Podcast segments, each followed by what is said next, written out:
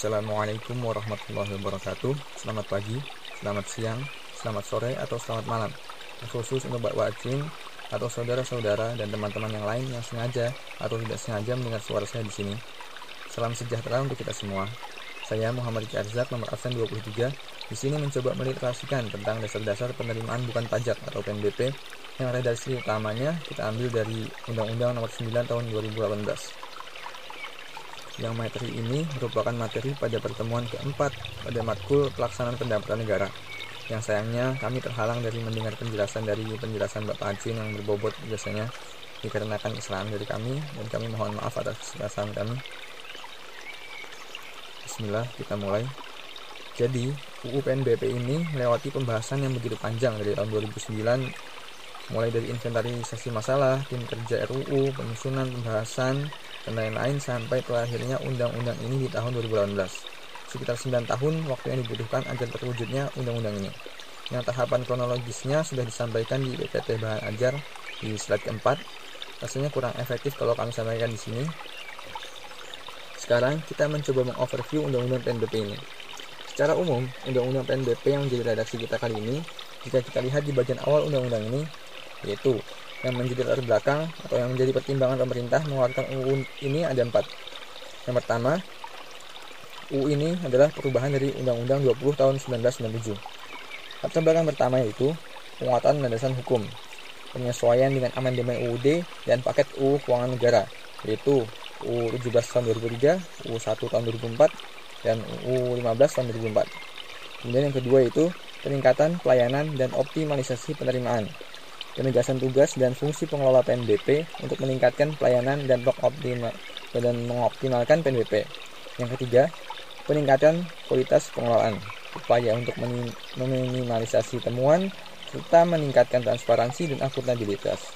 Dan yang keempat, implementasi kebijakan pemerintah, membangun tata kelola pemerintahan yang bersih dan mewujudkan kemandirian ekonomi.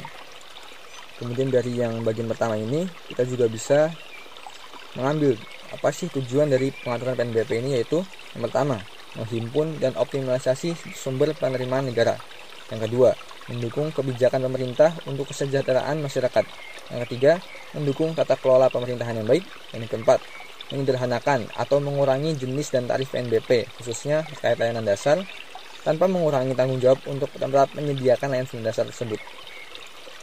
Kemudian selanjutnya, apa sih yang dibahas di undang-undang ini? Jika kita lihat undang-undang PNBP ini cukup kompleks ya, itu terdiri dari 13 bab dan 73 pasal. Apa saja sih bab-babnya itu? Kita bacakan. Yang pertama bab ke-1 tentang ketentuan umum, yang kedua bab kedua objek dan subjek PNBP. Bab ketiga tarif atas jenis PNBP. Keempat kewenangan pengelolaan PNBP. Yang kelima pengelolaan PNBP. Yang keenam pemeriksaan PNBP. Yang ketujuh keberatan PNBP. Yang ke-8, keringanan PNBP. Yang ke-9, pengembalian PNBP. Yang ke-10 adalah PNBP BLU. Yang ke-11, ketentuan pidana. Yang ke-12, ketentuan peralihan. Yang ke-13, ketentuan penutup. Kemudian selanjutnya, lebih rinci, kita akan melihat pokok-pokok materi Undang-Undang PNBP ini. Yang pertama, di pasal 1 ada ketentuan umum, pengertian istilah, istilah yang dipakai di undang-undang ini, definisi-definisinya, yang kedua ada klaster objek PNBP ini dibahas di pasal ketiga dan keempat. Kemudian ada pengaturan tarif PNBP dibahas di pasal ke-6 sampai 14 kemudian ada tarif sampai dengan 0 dibahas di pasal 13 kemudian ada tugas dan kewenangan instansi pengelola. Dibahas di pasal 15 sampai 18 kemudian ada pengelolaan PNBP dibahas di pasal 20 sampai 46 kemudian ada verifikasi PNBP terutang. Dibahas di pasal 27 kemudian ada pengawasan PNBP dibahas di pasal 45 dan 46 kemudian ada pemeriksaan PNBP dibahas di pasal 47 sampai 57 kemudian ada keberatan keringanan pengembalian PNBP dibahas dari pasal 58 sampai 65 kemudian ada sanksi pidana dari pasal 67 sampai 68 dan yang terakhir ada hak dan kewajiban wajib bayar. Kemudian kita akan jabarkan sedikit dari poin-poin yang sudah disebutkan tadi. Yang pertama, ada ketentuan umum atau definisi yaitu definisi PNBP. Sebelumnya di pasal Undang-Undang Nomor 20 Tahun 1997, pengertian PNBP adalah seluruh penerimaan pemerintah pusat yang tidak berasal dari penerimaan perpajakan. Kemudian di undang-undang ini pengertian PNBP yaitu PNBP adalah pungutan yang dibayar oleh orang pribadi atau badan dengan memperoleh manfaat langsung maupun tidak langsung atas layanan atau pemanfaatan sumber daya dan hak yang diperoleh negara berdasarkan peraturan perundang-undangan yang menjadi penerimaan pemerintah pusat di luar penerimaan perpajakan dan hibah dan dikelola dalam mekanisme anggaran pendapatan dan belanja negara. Kemudian yang lainnya itu juga ada istilah atau definisi yang lain, ada instansi apa sih instansi definisi instansi pengelola PNBP dan wajib bayar, pemeriksaan PNBP, PNBP hutang, minta instansi pengelola PNBP, pengelola PNBP, surat ketetapan PNBP, dan surat tagihan PNBP yang bisa disimak di bab pertama. Yang selanjutnya kita membahas tentang objek PNBP. Objek PNBP di sini di pasal 3 ayat 1 undang-undang ini disebutkan pengertiannya adalah seluruh aktivitas, hal dan atau benda yang menjadi sumber penerimaan negara di luar perpajakan dan hibah yang dinyatakan sebagai objek PNBP. Kemudian di pasalnya 4 ada objek PNBP sebagaimana yang dimaksud itu ada 6. Apa sih objek PNBP itu? Pertama pemanfaatan SDA yaitu bumi, air, udara, ruang angkasa dan kekayaan alam yang dikuasai oleh negara. Yang kedua, pelayanan, penyediaan barang, jasa atau pelayanan administratif yang menjadi tanggung jawab pemerintah. Yang ketiga, pengelolaan kekayaan negara yang dipisahkan. Kekayaan negara yang berasal dari APBN yang dijadikan penyertaan modal negara atau perolehan lainnya. Kemudian pengelolaan PNB, pengelolaan BMN. Penggunaan, pemanfaatan, dan pemindah tanganan semua barang yang diperoleh atas beban APBN dan perolehan lain. Kemudian ada pengelolaan dana, yaitu dana pemerintah yang berasal dari anggaran pendapatan dan belanja negara atau perolehan lain. Yang terakhir yaitu hak negara lainnya, yaitu hak negara selain lima objek tadi sesuai peraturan perundang-undangan. Kemudian yang selanjutnya pengaturan tarif PNBP yang tadi kita jelasin yaitu dibahas dari pasal 6 sampai 14. Di sini prinsip dari pertimbangan pengaturan tarif PNBP ada 6, yaitu yang pertama, nilai manfaat, kadar atau kualitas sumber daya alam. Kemudian dampak pengenaan tarif terhadap masyarakat dunia usaha atau alam. Yang ketiga, kebutuhan investasi, kondisi keuangan, dan atau operasional badan. Kemudian selanjutnya, nilai guna aset tertinggi dan terbaik. Kemudian aspek keadilan, dan terakhir kebijakan pemerintah. Kemudian apa sih dasar penetapannya? Dasar penetapannya di sini di pemanfaatan sumber daya alam yaitu adalah undang-undang, kontrak, dan atau peraturan pemerintah. Kemudian pada pelayanan yaitu peraturan pemerintah atau peraturan menteri yang kemudian di bagian pengelolaan kekayaan negara yang dipisahkan itu ada undang-undang dan atau dalam rapat umum pemegang saham RUPS yang selanjutnya di bagian pengelolaan barang milik negara yaitu ada peraturan pemerintah dan atau peraturan menteri. Kemudian di bagian pengelolaan dana itu peraturan menteri. Dan yang di hak negara lainnya adalah undang-undang atau peraturan pemerintah dan atau peraturan menteri. Dan di pasal 6 kita bisa lihat tarif atas jenis PNBP ini ada dua yaitu bentuknya pertama tarif spesifik yaitu tarif PNBP yang ditetapkan dengan nominal uangnya.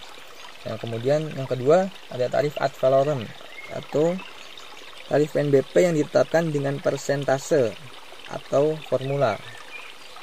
Selanjutnya yang tadi kita sudah singgung ada kebijakan tarif PNBP sampai dengan 0 di pasal 13 apa sih tarif PNBP sampai dengan 0 ini?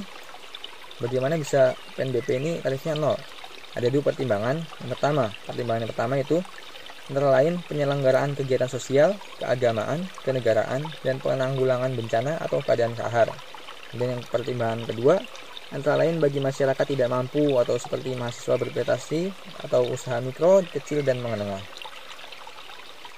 Kemudian kita masuk di tugas dan kewenangan pengelolaan PNBP dibahas di pasal 15 sampai 18. Yang pertama, kewenangan Menteri Keuangan selaku pengelola fiskal antara lain menyusun kebijakan umum pengelolaan PNBP, mengevaluasi, menyusun dan atau menetapkan jenis dan tarif PNBP pada instansi pengelolaan PNBP. Kemudian menetapkan target dan pagu penggunaan PNBP dalam rangka RAPBN atau RAPBNP kemudian melakukan pengawasan terhadap perencanaan, pelaksanaan, dan pertanggungjawaban PNBP. Yang selanjutnya tugas pimpinan Kementerian Negara atau lembaga, antara lain menyusun dan menyampaikan usulan jenis dan tarif PNBP, mengusulkan penggunaan dana PNBP, menyusun dan menyampaikan rencana PNBP dalam rangka penyusunan RAPBN atau RAB PNBP, kemudian memungut dan menyetorkan PNBP, kemudian mengelola piutang PNBP. Dan selanjutnya, kewenangan Menteri Keuangan tapi selaku bendahara umum negara, yaitu menetapkan PNBP tertentu sebagai PNBP yang dikelola oleh BUN, antara lain PNBP dari pengelolaan kekayaan negara yang dipisahkan. Yang kedua, PNBP yang penghitungan dan penetapannya membutuhkan earning proses. Itu di situ ada PNBP sektor migas dan panas bumi. Kemudian yang terakhir ada tugas mitra instansi pengelola PNBP yaitu membantu instansi pengelola PNBP melaksanakan sebagian kegiatan pengelolaan PNBP yaitu ada pemungutan, penyetoran dan atau penagihan PNBP. Kemudian selanjutnya pengelolaan PNBP. Di bab 5 ini pada pasal 20 dan 21 dijelaskan bahwa seluruh PNBP dikelola dalam sistem anggaran pendapatan dan belanja negara. Kemudian, pengelolaan PNBP itu meliputi perencanaan, pelaksanaan, pertanggungjawaban, dan pengawasan. Apa sih perencanaan itu? Perencanaan itu perencanaan PNBP dalam penyusunan RAPBN dan atau RAPBNP. Kemudian apa itu pelaksanaan? Pelaksanaan adalah penentuan PNBP terutang, pemungutan pembayaran atau penyetoran, penggunaan PNBP, pengelolaan piutang, penetapan dan penagihan. Kemudian pertanggungjawaban itu adalah penata usahaan dan pelaporan. Kemudian pengawasan yaitu pengawasan atas perencanaan, pelaksanaan dan pertanggungjawaban PNBP.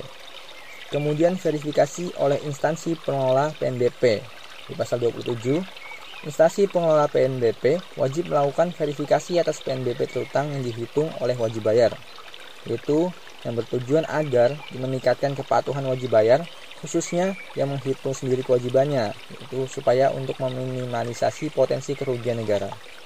Kita masuk ke pengawasan PNBP di pasal 45 sampai 46. Ada dua pengawasan di sini, yang pertama, pengawasan oleh aparat pengawasan internal pemerintah atau APID, yaitu instansi pengelola PNBP melaksanakan pengawasan internal atas pengelolaan PNBP yang dilakukan oleh aparat pengawasan internal pemerintah yang bertanggung jawab langsung kepada menteri atau pimpinan lembaga.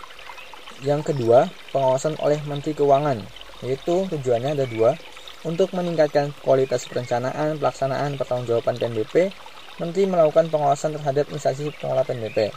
Kemudian, pengawasan dapat dilakukan dalam bentuk verifikasi, penilaian, dan atau evaluasi. Masuk ke bab selanjutnya, bab ke-6, yaitu tentang pemeriksaan PNBP di pasal 47 sampai 57. Di sini kita bisa ambil ada objek pemeriksaan yaitu ada tiga wajib bayar, instansi pengelola PNBP, dan mitra instansi pengelola PNBP. Kemudian apa saja sih dasar pemeriksaan di sini? Hasil pemeriksaan di sini antara lain yaitu hasil pengawasan internal atau menteri yang tadi kita bisa sebutkan yaitu kemudian permintaan koreksi surat tagihan, pengembalian atau keringanan yang nanti kita akan singgung lagi itu. Kemudian indikasi kerugian dan ketidakpatuhan. Inisiatornya itu ada dua, instansi pengelola PNBP dan Menteri Keuangan. Kemudian ruang lingkup dari pemeriksaan PNBP ini yaitu adalah kepatuhan pemenuhan kewajiban wajib bayar, pemenuhan ketentuan PNBP oleh instansi pengelola PNBP dan mitra instansi pengelola, kemudian tata kelola PNBP itu. Kemudian apa sih hasil pemeriksaan dari pemeriksaan PNBP di sini? Hasil pemeriksaannya itu adalah laporan hasil pemeriksaan atau LHP, kemudian ada surat ketetapan PNBP itu ada tiga macam, ada surat ketetapan kurang bayar, atau surat ketetapan nihil, atau surat ketetapan lebih bayar. Sekarang kita akan membahas tiga bab. Yang tiga bab ini merupakan keadaan lebih lanjut atas wajib bayar terhadap PNBP yang dibebatkan. Yang pertama kita mulai dari bab ketujuh yaitu keberatan. Keberatan di sini dibahas dari pasal 58 sampai 61 yaitu poin-poin yang bisa kita ambil.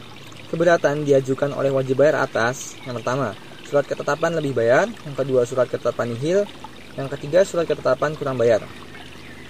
Kemudian itu diajukan ke instansi pengelola dan diterbitkan persetujuan atau penolakan atas pengajuan itu. Kemudian keputusannya bersifat final. Yang terakhir, wajib bayar dapat mengajukan gugatan atas putusan keberatan ke PTTUN. Jadi proses pengajuannya itu di sini dari surat ketetapan kurang bayar atau surat ketetapan nihil atau surat ketetapan lebih bayar tadi diajukan oleh wajib bayar. Namun itu tidak menunda kewajiban PNBP terutang ya di bagian surat ketetapan kurang bayar. Kemudian paling lambat tiga bulan setelah tanggal surat ketetapan itu jadi pengajuan keberatan itu sebagai disertai dokumen pendukung yang lengkap dan diajukan dalam jangka waktu paling lambat tiga bulan sejak tanggal surat ketetapan PNBP. Kemudian paling lambat setelah semua itu paling lambat waktu 6 bulan instansi pengelola PNBP atau pejabat kuasa pengelola PNBP akan mengeluarkan penetapan atas pengajuan keberatan. Nah, yang apabila wajib bayar tidak setuju, dapat mengajukan gugatan melalui pengadilan tata usaha negara. Ketentuan lebih lanjut tentang ini diatur dengan peraturan pemerintah. Nah, selanjutnya di keringanan PNBP. Dasar dari keringanan PNBP ini yaitu kondisi kahar atau kesulitan likuiditas atau kebijakan pemerintah. Nah, apa saja sih bentuk dari keringanan PBB ini? Bentuk dari keringanan PBB ini itu adalah penundaan atau pengasuran atau pengurangan atau pembebasan. Nah, keringanan ini diputuskan oleh instansi pengelola PNBP. Bentuk dari keringanan pengurangan ini atau pembebasan membutuhkan yang pertama, persetujuan menteri dalam hal kondisi kahar dan kebijakan pemerintah. Yang kedua itu ada pertimbangan API yang dibutuhkan juga atau rekomendasi instansi pemeriksa dan persetujuan menteri dalam hal kesulitan likuiditas. Nah, selanjutnya di sini yaitu adalah pengembalian PNBP. Dasar dari pengembalian PNBP ini adalah yang pertama salah bayar atau salah pungut atau penetapan pimpinan IP instansi pengelola atau putusan pengadilan atau hasil pemeriksaan atau pelayanan yang tidak dipenuhi atau ketentuan perundang-undangan. Nah, permohonan apa sih yang bisa diajukan pengembalian PNBP? Yang bisa diajukan itu adalah permohonan yang tidak lebih dari lima tahun sejak kelebihan bayar, khusus untuk dasar putusan pengadilan dan hasil pemeriksaan, permohonan tidak lebih dari dua tahun sejak penetapan putusan atau terbitnya laporan hasil pemeriksaan. Yang ini diajukan ke instansi pengelola. Kemudian, instansi pengelola bisa menyetujui atau tidak menyetujui atau menolak. Dia mengeluarkan surat penolakan atau surat persetujuan Nah, kalau misalkan disetujui oleh instansi pengelola, ada dua prosedur pengembalian. Yang pertama adalah diperhitungkan sebagai pembayaran di muka PNBP terutang berikutnya. Jadi menjadi pengurang untuk pembayaran PNBP tahun berikutnya. Atau bisa juga dikembalikan secara tunai. Nah, apa saja syarat-syaratnya ketika dikembalikan secara tunai? Dikembalikan secara tunai itu apabila pengakhiran kegiatan usaha wajib bayar atau putusan pengadilan atau tidak ada kewajiban PNBP sejenis yang berulang atau pengembalian sebagai pembayaran di muka lebih dari satu tahun atau dalam keadaan kondisi kahar seperti biasa seperti yang sebelumnya dan tentuan lebih lanjut diatur dengan peraturan pemerintah. Kita masuk ke bab 11 tentang ketentuan pidana. Di sini kita akan melihat pengaturan sanksi PNBP. Ada dua sanksi di sini. Yang pertama di pasal 67 Wajib bayar yang menghitung sendiri kewajiban PNBP yang dengan sengaja tidak membayar atau menyampaikan laporan PNBP terutang yang tidak benar dipidana dengan pidana denda sebanyak 4 kali jumlah PNBP terutang dan pidana penjara paling singkat 2 tahun atau paling lama 6 tahun. Kemudian di pasal 68, setiap orang yang dengan sengaja tidak memberikan dokumen, keterangan, dan atau bukti lain yang dimiliki atau memberikan dokumen, keterangan, dan atau bukti lain yang dimiliki, namun isinya tidak benar, Nah, ini dipidana dengan pidana denda paling banyak 1 miliar rupiah atau pidana kurungan paling lama satu tahun. Nah, kemudian yang terakhir kita akan sebutkan poin-poin tentang hak dan kewajiban wajib bayar di dalam undang-undang ini. Hak-hak wajib bayar dalam Undang-Undang 9 tahun 2018 kita bisa sebutkan ada empat poin. Yang pertama, wajib bayar dapat mengajukan permohonan koreksi terhadap surat tagihan PNBP kepada instansi pengelola PNBP atau mitra instansi pengelola PNBP. Ini dijelaskan di pasal 38.